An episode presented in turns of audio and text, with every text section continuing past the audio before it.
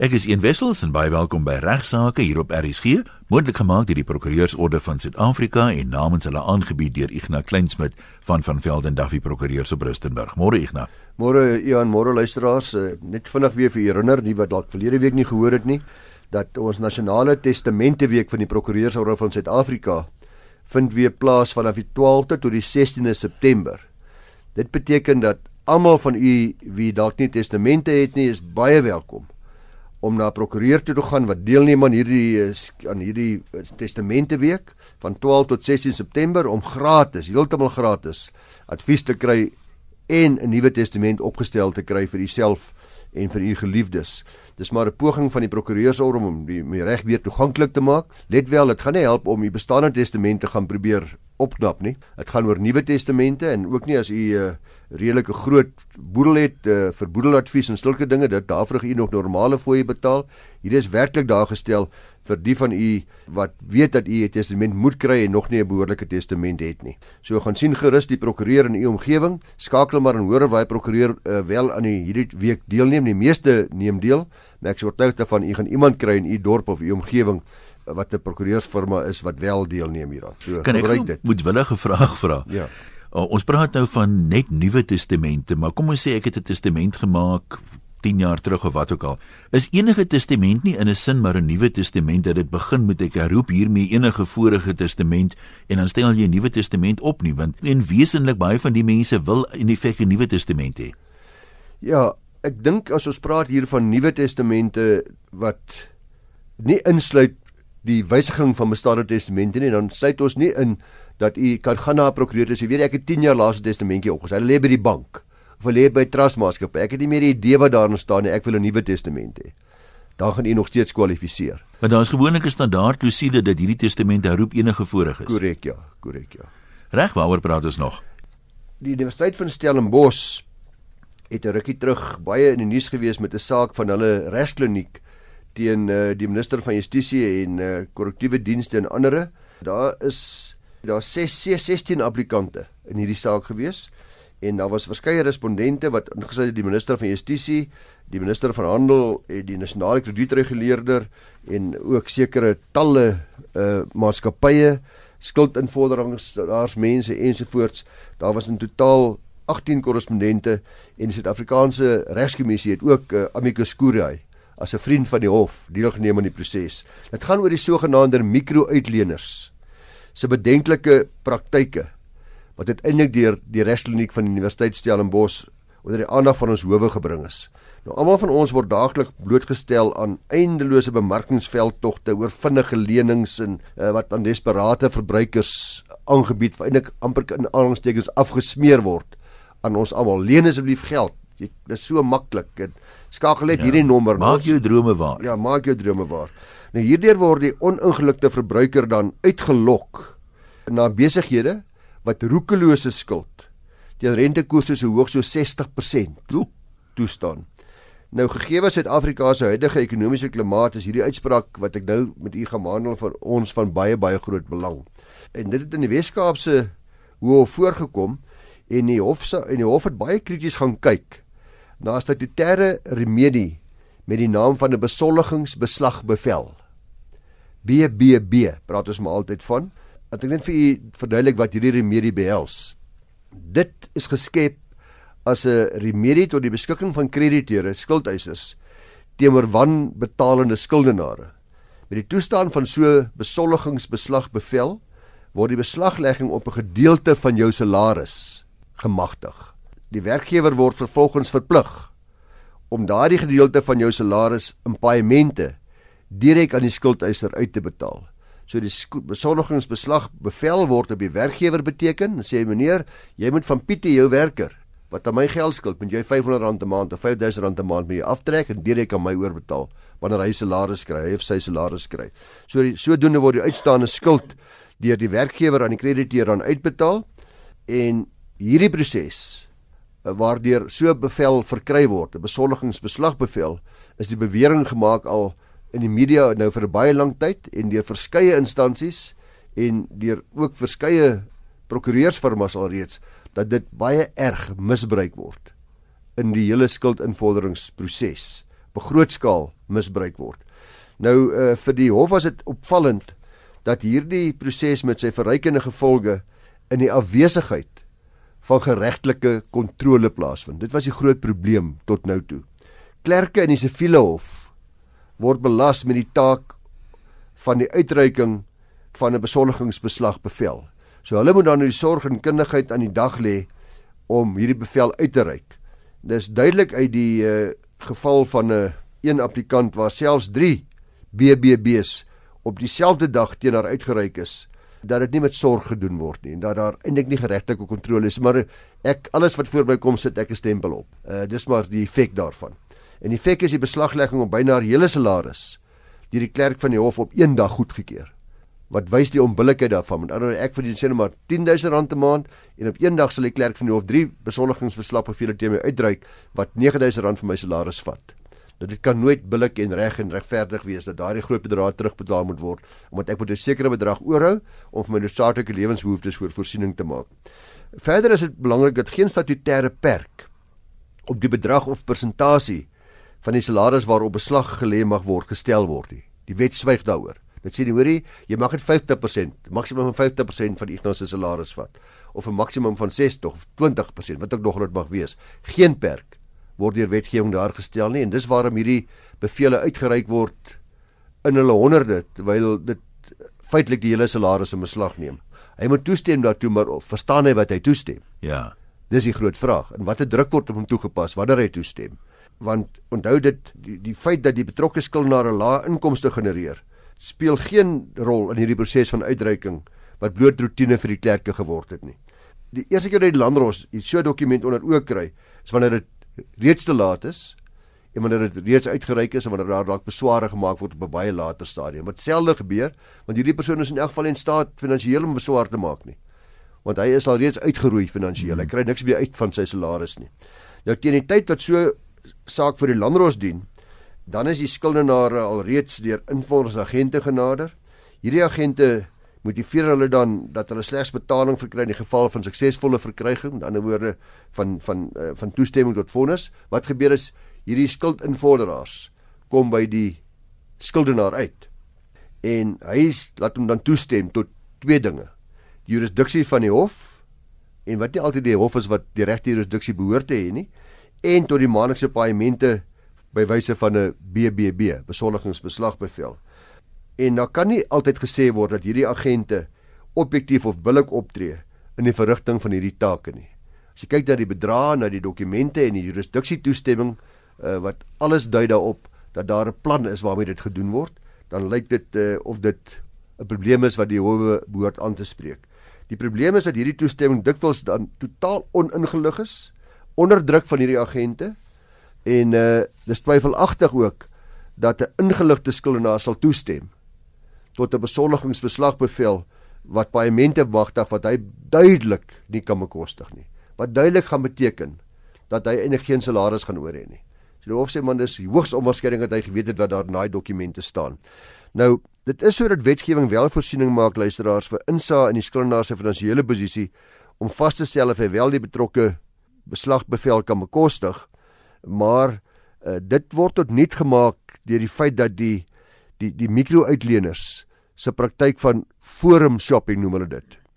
In 'n woorde, waar is die maklikste hof? Wat watter hof pas my en die skuldeiser?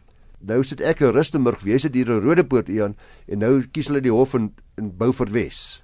Want daar is die klerk van die hof ook dalk kies hulle maar enige ander naam, maak nie saak nie. Mm. En uh die feit dat hierdie aansoeke gebring is in howe wat buite die bereik dis is van die skuldenaar dra aansienlik by tot die onbillikheid van hierdie hele praktyk.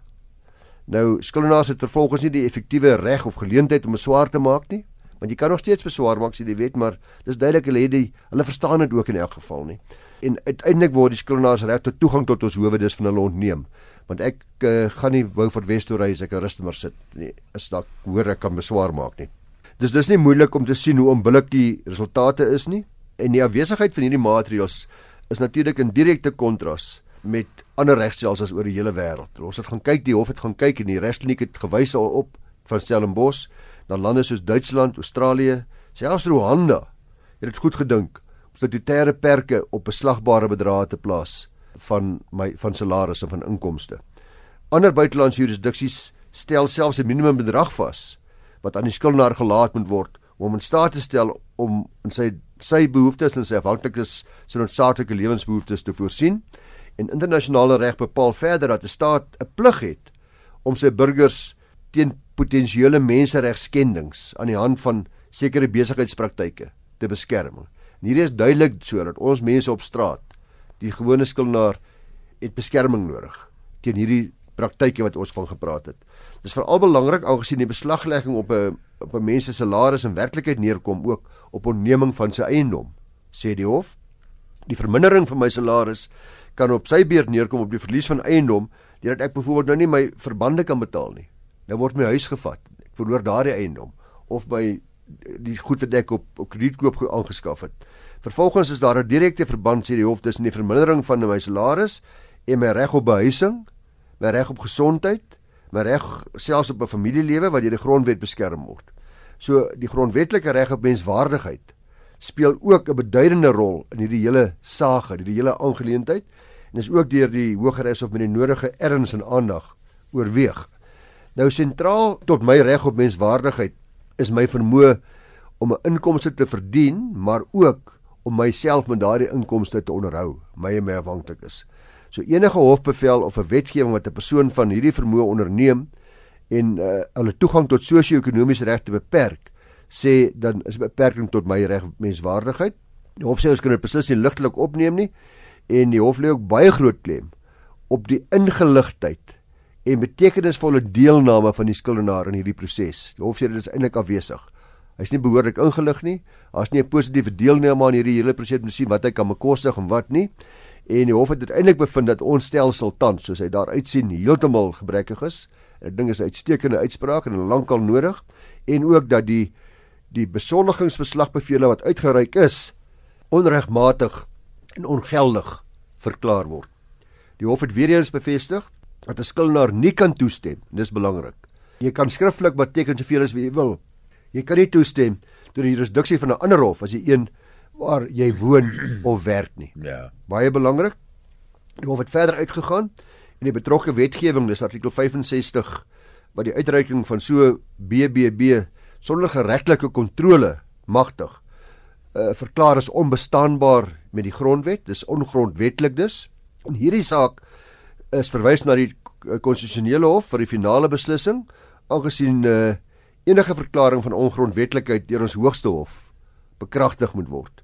So alhoewel die skuldinvordering sê dat blyklik gebrekkig is, is hierdie saak baie baie positiewe en 'n besliste stap in die regte rigting en ek dink die grondwetlike hof gaan waarskynlik op baie dringende basis hierna kyk om seker te maak dat hierdie misbruik dadelik stop en die effek gaan waarskynlik wees dat so besoldigingsbeslagbevel in die toekoms slegs uitgeruik kan word nadat daar behoorlik gekyk is na die hele situasie deur 'n landros en bevind is dat dat dit nog steeds billik is wat betref die bedrag en totale bedrag van al die ander bevele wat reeds teen my uitgeruik is. Prakties gesproke behoort dit eintlik met wetgewing reggestel te word, sou die die logiese stap wees. Ek is oortuig daarvan dat die kans is uitstekend dat die grondwetlike hof gaan uh, sekere aanbevelings maak dat dit terugverwys moet na die wetgewer met 'n agneming van die feit dat internasionale reg soos ek gesê het werklik 'n uh, wetgewing het wat die skuldenaar beskerm deur te sê dis die maksimum bedrag of dis die minimum bedrag. Net weer herinnering dat regsaake aangebied word deur die Prokureursorde van Suid-Afrika.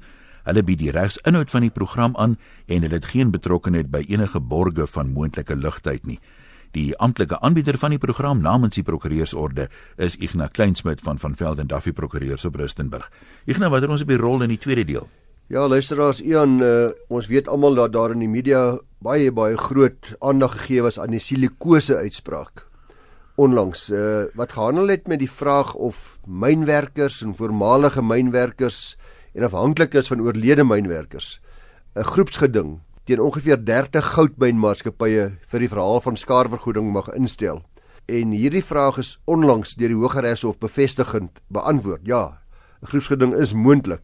Daar duisende eise het ontstaan toe mynwerkers se lewens verander is nadat hulle weens die beweerde nalatigheid van hierdie mynmaatskappye, goudmynmaatskappye, blootgestel is aan mynstof wat silikose of ons het meer bekende naam tuberkulose veroorsaak het. Nou om die wenslikheid van 'n groepsgeding te bepaal, moes die hof 'n hele aantal faktore oorweeg en veral die kennis neem van verskeie omstandighede waarin verskeie skuldeisers hulle bevind het. Die mense kom van verskeie myne af en verskillende fases van uh, van siekte. Dis eerstens belangrik om daar te let dat nie alle mynwerkers wat deur hierdie siekte geaffekteer is noodwendig tot hierdie groepsgeding gevoeg wou word nie. So almal stem nie saam dat ons moet die myne hof toe vat nie. Dis veral waar van werkers in die hoër geskoolde poskategorieë, meer bestuurdersposte, die soort van dinge.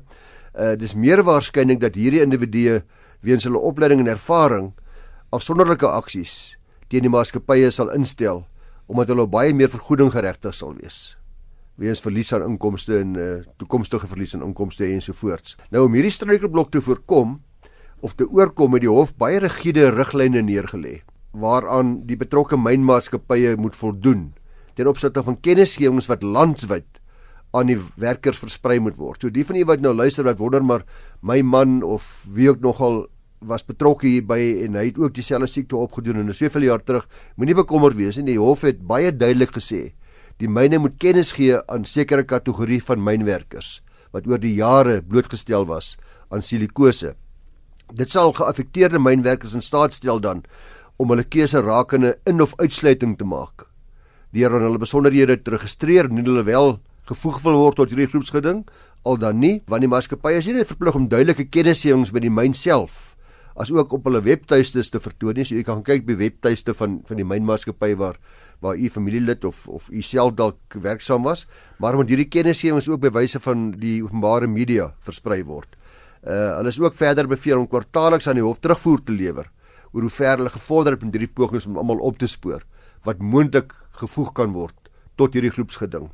Dit was tweedens duidelik uit die hofsaak dat die geïnfekteerde of geaffekteerde mynwerkers nie afsonderlik deur silikose geraak is nie, maar ook hulle families word uiteraard daardeur geaffekteer. Hierdie families het in die meeste gevalle broodwinner reeds verloor vir mense wat nou alreeds oorlede is of uh, deur om aan die dood af te staan of deur die onbevoegdheid wat die siekte veroorsaak het, het hulle reeds ook baie groot skade gely as gevolg van die ongeskiktheid wat daaruit voortgesprei het. Uh families se benarde sosio-ekonomiese toestande het vervolgens deur die verlies aan inkomste uh en verhoogde mediese uitgawes ook aansienlik vererger sê die hof. En die feit dat mynwerkers se vrouens dikwels verplig was om hulle gades te versorg en dan uh self nie inkomste kon verdien nie, moet ook in aanmerking geneem word. Uh dit het ook uiteindelik bygedra tot die hof se beslissing. Nou teen hierdie agtergrond luisteraars met 'n agneming van uh, ons grondwetlike regte op gelykheid en ook met 'n agneming van talle buitelandse uitsprake waarna die hof gekyk het. Die hof besluit om die gemeenregtelike posisie in Suid-Afrika te wysig. In gevolg van die gemeenereg kon afhanklikes slegs oorledene se eis erf oorneem met ander woorde na hy afgesterf het indien hy net voor sy saak aanhange gemaak kon word te sterwe gekom het ander woorde net voor uitspraak. Gegee die spesiale omstandighede van hierdie saak, sê die hof, is hierdie regsposisie nou nie meer voldoende in Suid-Afrika nie en die hof het bepaal dat families wat hulle broodwinner vanaf 2012 met die amptelike instelling van hierdie aksie, die, die datum wat die aksie ingestel was, aan die dood afgestaan het in staat sal wees om die eis vir skadevergoeding oor te neem, te erf met ander woorde, aanhalingstekens. Ondanks die mynmaatskappye se regsverteenwoordigers se beste poging en jy weet Richard Spoor was hier ook baie betrokke, 'n bekende prokureur wat optree in groepsgedinge, het die hof uh, nietemin in belang van geregtigheid uh, ten gunste van hierdie groepsgeding se sertifisering beslis met 'n agneming van al die administratiewe en die uh, praktiese struikelblokke. Hulle het veral hier gekyk na die mynwerkers se armoedige omstandighede en ook die feit dat die meeste van hulle nie in staat sal wees om self individuele eise in te stel nie. Uh hulle is nie aktief in die in die besigheidswêreld betrokke nie. Hulle is nie aktief in die regswêreld betrokke nie.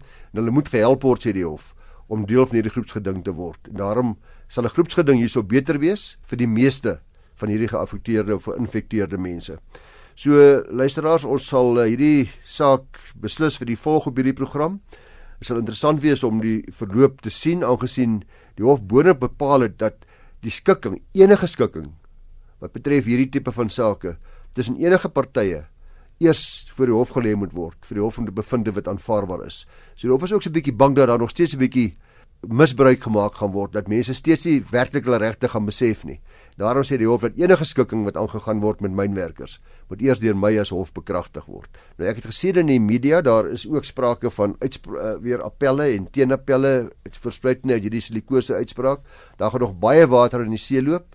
Uh mense moenie haastig wees nie, maar belangrik vir die van u wat dink u moontlike eis het wat vandag luister en wie nog nie gekontak was nie, dat indien u 'n uh, eis wil instel dan moet u gaan kyk na die webwerwe van die uh myn waar u man of die oorledene werksaam was of waar hy self werksaam was indien u vanaf 2012 betrokke was en nog nie huis ingestel het nie. Hierdie aksies is geneig oor die algemeen om redelik lank te duur voor daar finale uitspraak en finale skikking en so aan is. Ek dink hierdie aksie spesifiek gaan nog 'n hele paar jaar duur voordat hy tot 'n einde kom. Want altyd hartseer is vir mense wat ek meen op die stadium gebrek ly en hulle word ouer en daar is uitgawes en al die dinge, maar dit is net maar realisties. Mense kan nie veel daaraan doen eintlik nie. Want daar is so baie van hierdie mense natuurlik. Ons praat nou van 2012. Nou so baie van ons luisteraars, die bejaarde luisteraars sal weet, hulle het mense verloor aan silikose dekades gelede al. Jy onthou hoeveel sprake was daar al gewees van uh die asbesgevalle en al die hmm. ander die asma gevalle en en uh, die mynwerkers was eintlik maar op 'n stadium half gewoonde aangewees uh Ian en luisteraars dat daar gepaardgaande gesondheidsrisiko's is met hulle werk. Maar die nuwe neiging is nou om te sê jammer, as mens bewus is daarvan en daar gesondheidsrisiko's is en jy doen niks daaraan nie, dan moet jy die risiko loop van moontlike gedinge teen jou as gevolg van die verlies aan inkomste en die en natuurlik al al die ander skade wat gelei is. Mens kan nie dit sien as vrywillige aanvaarding van risiko vir die werkers nie. Dat jy die werk vat wel wetende dat daar risiko's aan verbonde is nee, nie. Nee, nee, uh want onthou nou weer eens daar word nie daar word nie 'n volle openbaarmaking gemaak van die risiko's wat ja, wat gebonde is aan aan aan die mynwerkers. Daar's daar's oor oor dekades heen was daar beweringe dat daar groot gesondheidsrisiko's is. Maar baie van die myne het volhard daarmee dat dit is 'n storie, dis nie waar nie jy weet en dis eintlik waar die groepsgeding vandaan kom. Dis dit vir vandag. Ek wil miskien net weer sê as jy 'n vraag het wat jy reken ons behoort te bespreek hier op regsaake, hoe dit werk. Die idee is nie dat Ignas self betrokke raak en in die kruit klim namens jou nie of hof toe gaan namens jou mense dagvaar en so aan nie.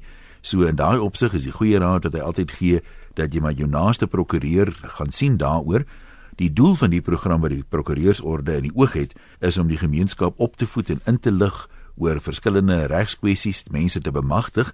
So wat ons doen, ons gebruik luisteraars se vrae om in die algemeen inligting te gee. Ons gaan vir jou dalk raad kan gee ook oor wat om te doen of wat om nie te doen nie. Maar baie mense soek dringend Ignas se telefoonnommer by my want nou is hulle in die knyp, hulle soek 'n prokureur om namens hulle op te tree en dit kan hy ongelukkig nie gratis doen nie. As jy voorstelle het vir onderwerpe of 'n geval het wat jy onder ons aandag wil bring, waaroor ons kan gesels, kan jy sommer direk vir Ignou e-pos stuur, ignou@ffd.co.za. En soos ek net nou gesê het, regsaake word moontlik gemaak deur die Prokureursorde van Suid-Afrika. Hulle samewerking is verantwoordelik vir die regsinhoud van die program en hulle het geen verbintenis met enige ander partye wat dalk van die lugtyd mag borg nie. Dis dit vir vandag. Ons praat volgende maandag weer.